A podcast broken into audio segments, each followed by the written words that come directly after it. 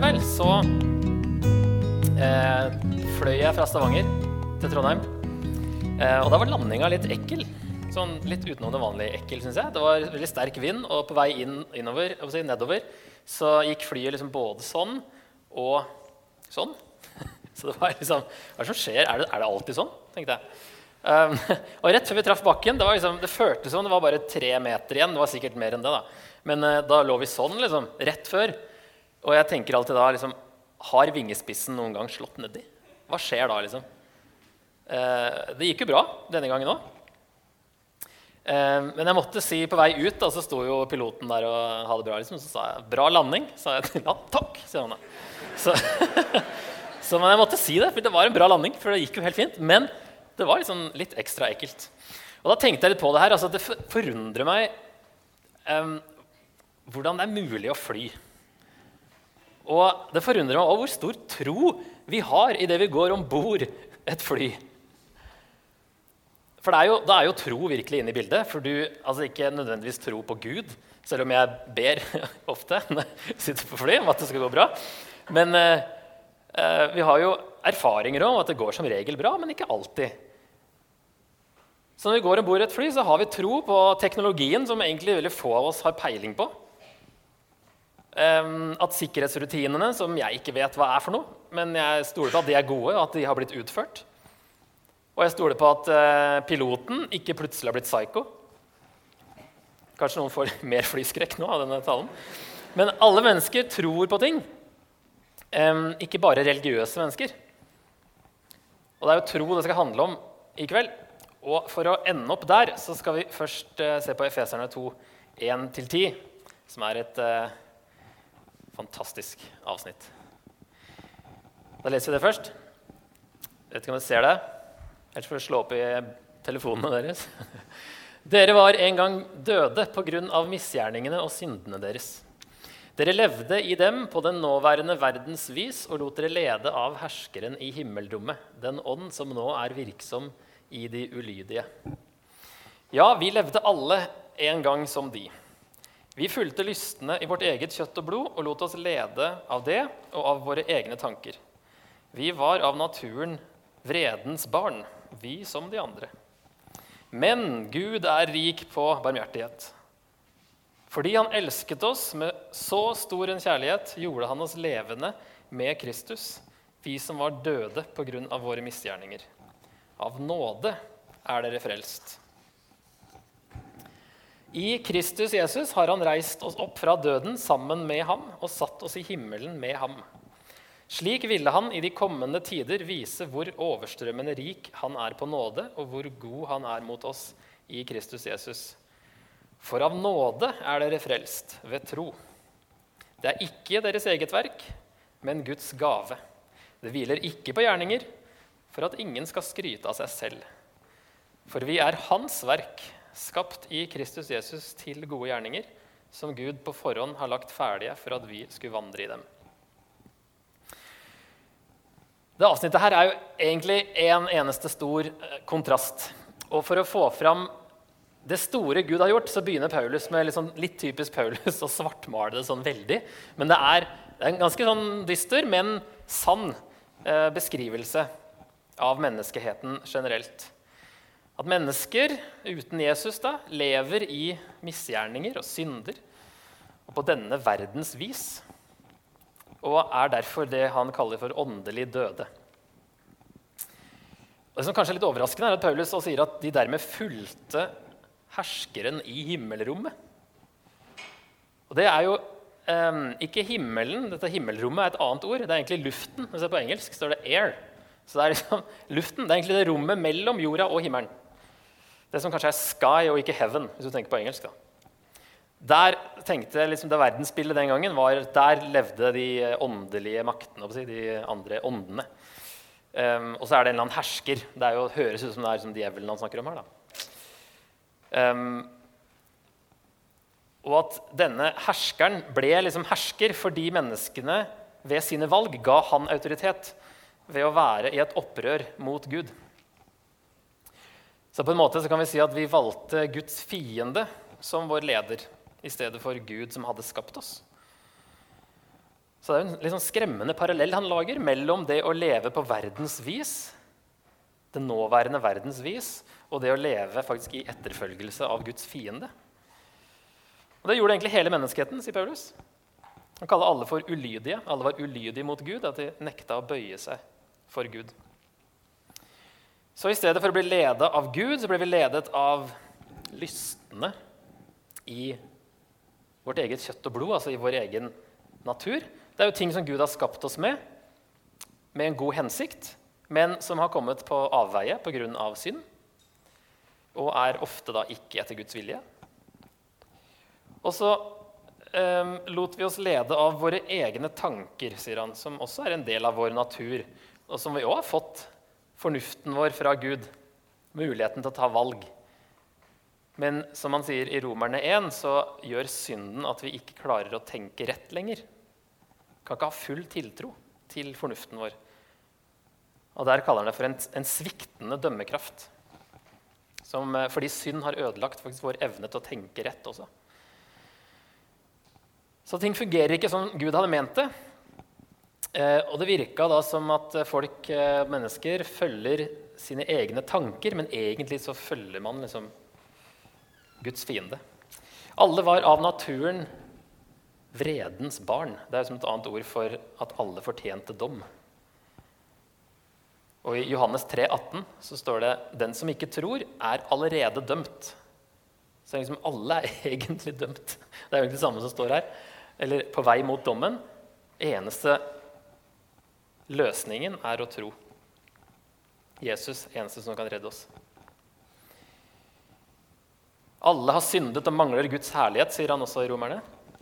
Alle har synda og kommer til kort for Guds herlighet. Når ikke opp til Guds herlighet. Ganske langt igjen, virker det som her, egentlig. Opp til Guds herlighet. Så det verset her, snakker, versene snakker jo om at eh, vi har en natur som er blitt ødelagt av synd. Han sier ikke akkurat her hvordan det gikk til. Snakker ikke om Adam og sånt her. Men at i hvert fall hele menneskeheten hadde liksom kurs vekk fra Gud mot fortapelsen.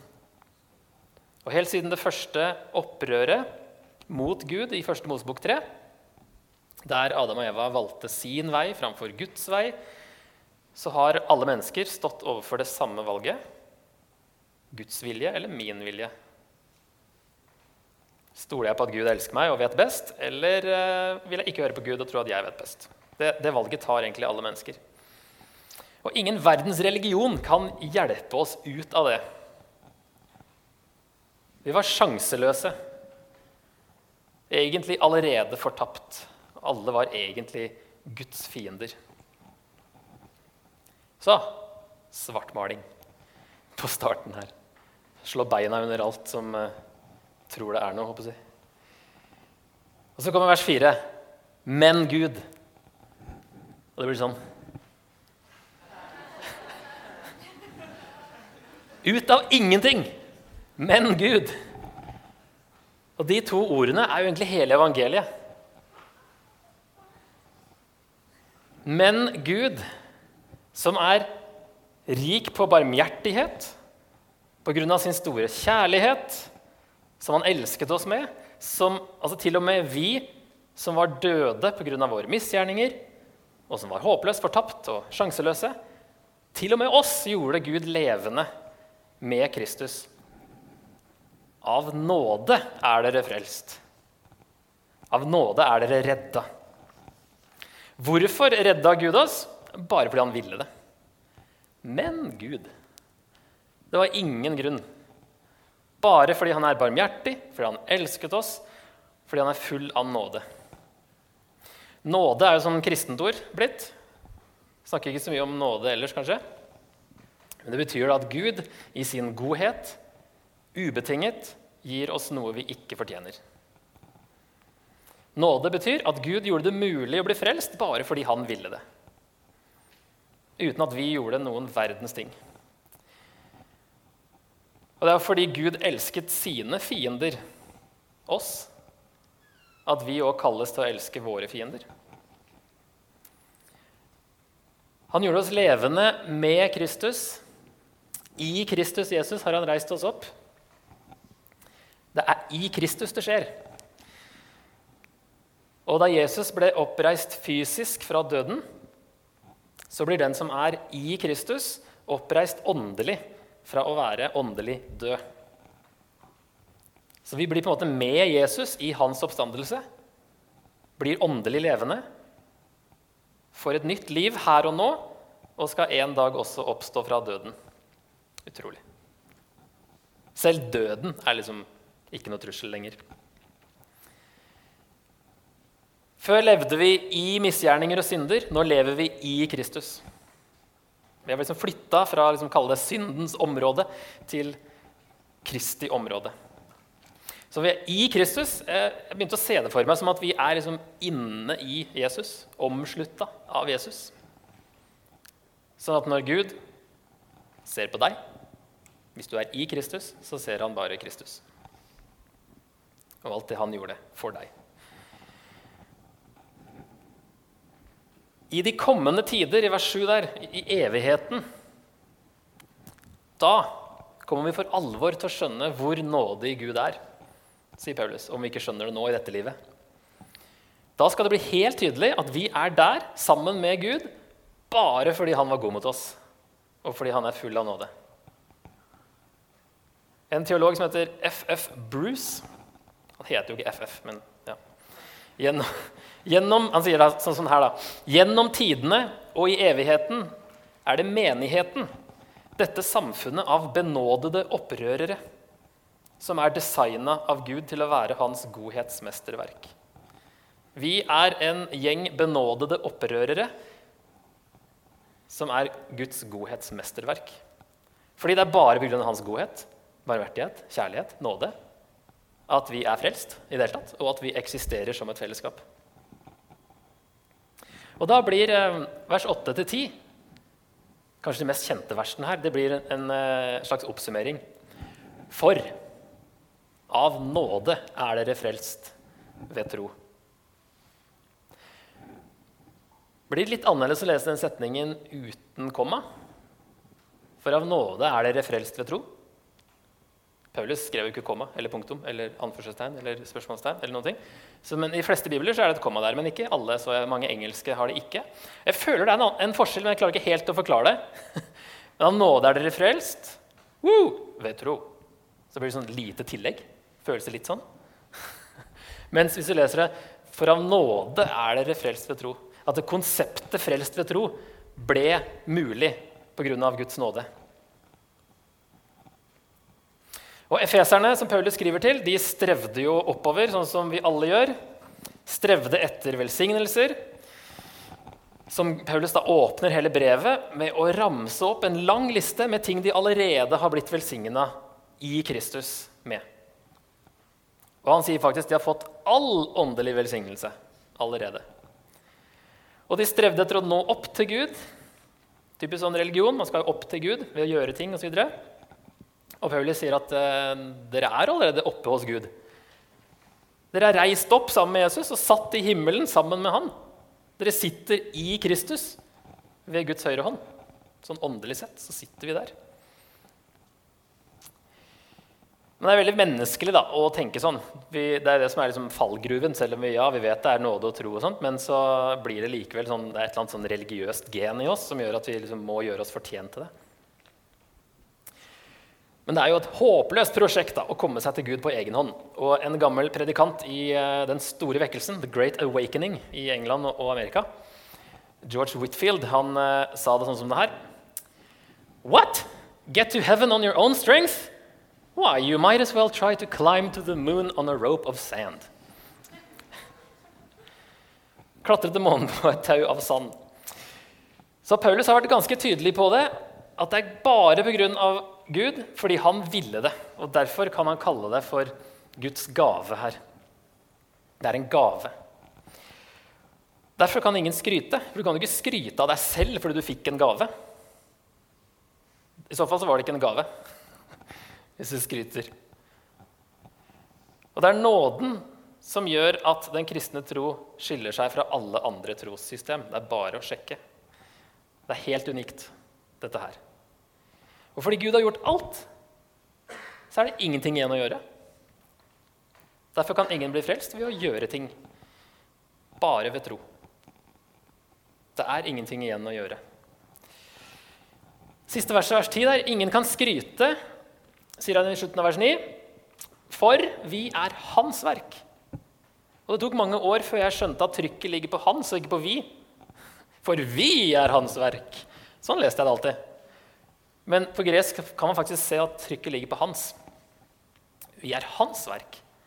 Vi er hans gjerning. Så den eneste som gjør noen gjerninger her, det er jo Gud. Derfor kommer det ikke an på gjerninger, fordi vi er Guds gjerning. Og Det eneste vi kan gjøre, er å ta imot gaven i tro. Og det er liksom der vi skal være i dag. Snakke om tro. Det har vært mye om nåde fram til nå, men jeg tror for å forstå tro, så må vi først forstå nåden. Men hva slags tro er det snakk om, da? Når eh, tror vi nok? Er det en grad eller et nivå av tro som vi må nå opp til for å bli frelst? Så først av alt må vi prøve å definere tro. Eh, på norsk så har det veldig sånn vi mange betydninger. Fra å anta noe, sånn 'jeg er ikke sikker, men jeg tror'. Er det sånn i den betydningen vi, vi bruker det når vi snakker om uh, at vi tror på Jesus? At vi antar at han døde og sto opp igjen? Nei. Det ordet kan òg på norsk bety ha tiltro til eller stole på. Da blir det straks bedre. Og det kan faktisk bety også være overbevist om, hvis du slår det opp i en norsk ordbok. Og der, Det er de siste betydningene her som er sånn det brukes i Nye Testamentet. Så en bra definisjon sånn generelt eh, når vi snakker om eh, denne enden av skalaen av definisjoner på norsk, så er tro noe som kommer inn i bildet når man holder noe for sant uten å kunne bevise det. Og det gjelder jo mange ting. Alle tror på ting. For å drive vitenskap i det hele tatt, så må man tro at naturlovene kommer til å være de samme i morgen. Det har man eh, beviser for, å si, eh, bygd seg opp. Eh, ting man kan rasjonelt, ta, rasjonelt stå på og tro det. Du kan ikke vite at det kommer til å være det samme i morgen, men du har god grunn til å tro det. Og at vi kan stole på fornuften vår, er en annen ting vi tror. I hvert fall de fleste av oss. Regner med at liksom, ja, den er til å stole på, sånn stort sett. Eh, eller at flyet du skal reise med, er troverdig. Eller at vennene dine er til å stole på. Det er òg noe som du tror, overbevist om, hvis du kjenner dem godt. Du kan ikke bevise det. Så vi tror, alle tror, ikke bare religiøse mennesker. Og I Nytestamentet så brukes ordet tro om å, Det er veldig sterke betydninger der. Det er ikke sånn her, ja, kanskje, jeg er ikke sikker, men jeg tror. Det er ikke sånn. Det brukes ikke i det hele tatt når det gjelder å tro på Jesus og Gud. Der er det å anse noe som sant og derfor verdig til å stole på. Eller overlate seg til noen eller noe i full tillit. Eller å være trygg på. Så hvis vi skal definere Bibelens tro, så pleier man å si det sånn som det her. At i Bibelen er tro det å være rasjonelt overbevist om at noe er sant slik at du kan ha tillit til det. Rasjonelt overbevist om at noe er sant, så du kan ha tillit til det. Og Derfor står det i Hebreerne 11,1 at tro er full tillit til det en håper på. Overbevisning om det en ikke ser. Og Her igjen så er det norske ordet 'håper' er liksom veldig usikkert. Jeg håper det. Men i Bibelen så er håp det er løftet om oppstandelsen fra de døde og evigheten med Gud. Det er det håpet vi har. Det er heller ikke sånn typisk norsk håp.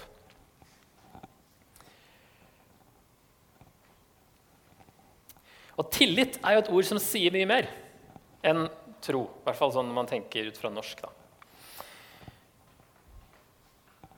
Fordi Gud og Hans ord i Bibelen har vist seg å være troverdig, kan du ha tillit til at Jesu død og oppstandelse betyr frelse for deg pga. hva Gud legger i denne hendelsen. Det er liksom tro.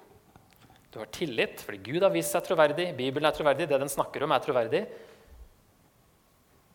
Og Da kan du ha tillit til at Jesu død og oppstandelse betyr frelse for deg pga. hva Gud legger i den hendelsen. Dette er tro. At du har tillit til at Gud har gjort alt som trengs. Tro er å ha tillit til dette og ta imot denne gaven. Og da er det jo ikke styrken eller intensiteten av troen vår som frelser. Det er det vi tror på, som frelser. Fordi tro er å ha tillit til at Gud er til å stoles på. Ta den flyparallellen. da.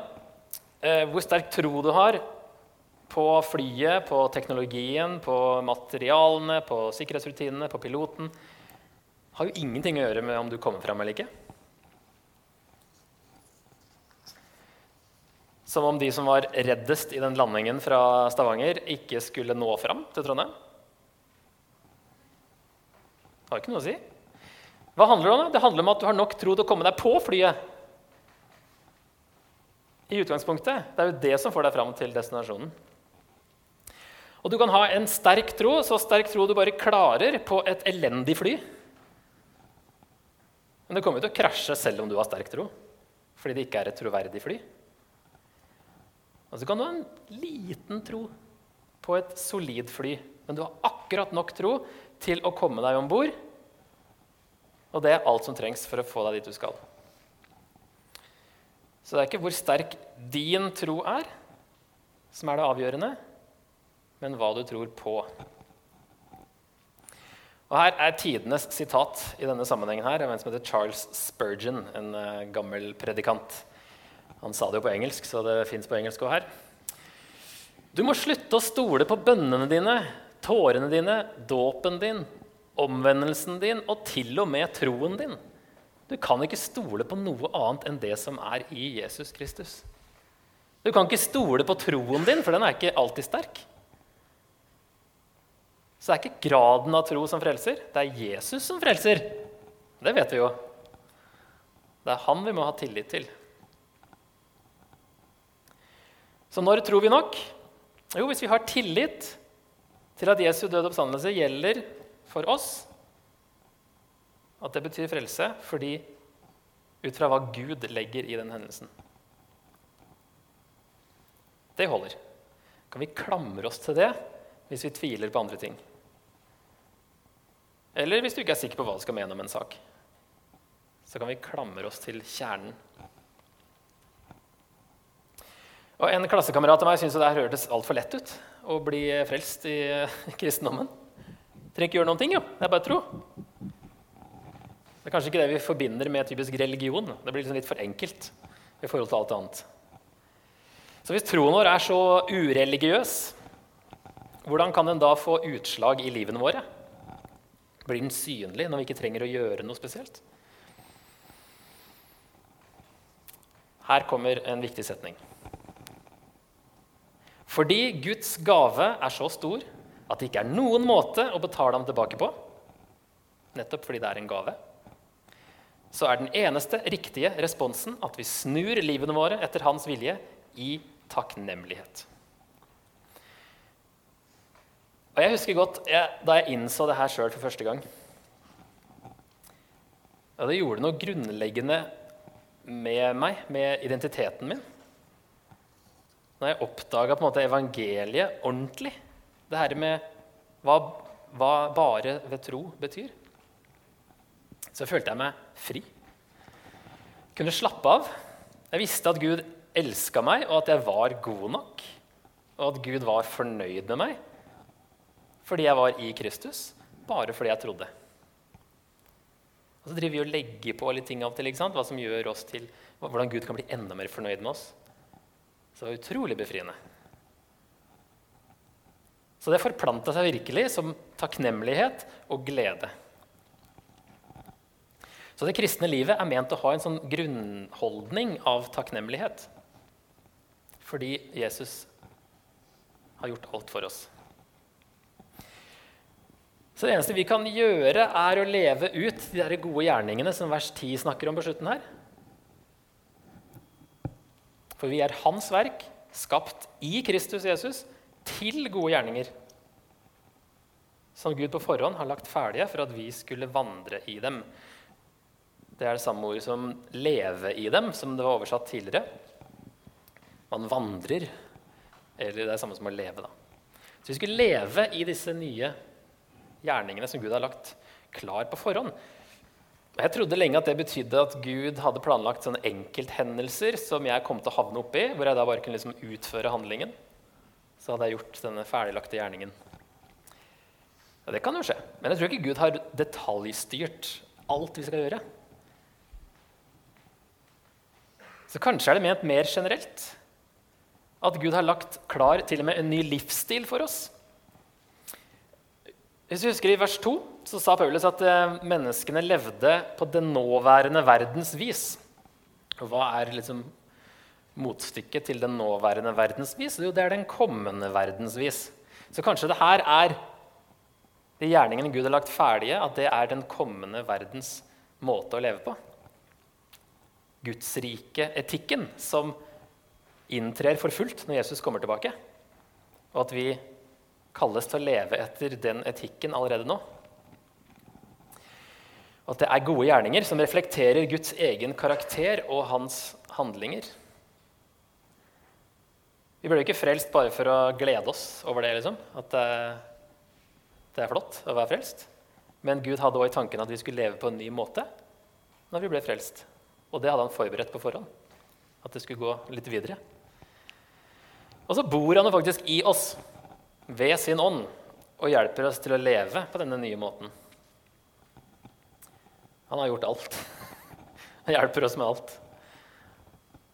Og når vi er i Kristus, så er det på en måte at Jesus som lever ut det nye livet for oss. Vi er i Han. Efesbrevet er todelt. Ehm, sånn at De første tre kapitlene handler veldig mye om det her, hva Gud har gjort for oss. Han har gjort alt. Og så snur Paulus i kapittel 4, så de tre siste kapitlene blir han mer praktisk. Hvordan bør vi da leve hvis Gud har gjort alt? Hvordan bør det vises i livet? Så Da kan man finne veldig mye praktisk og konkret der. Men det er et par vers som jeg liker veldig godt i eh, den delen av brevet, som jeg ofte tyr til fordi det er en god tommelfingerregel for kristen livsstil. Det er 5, 1 og 2.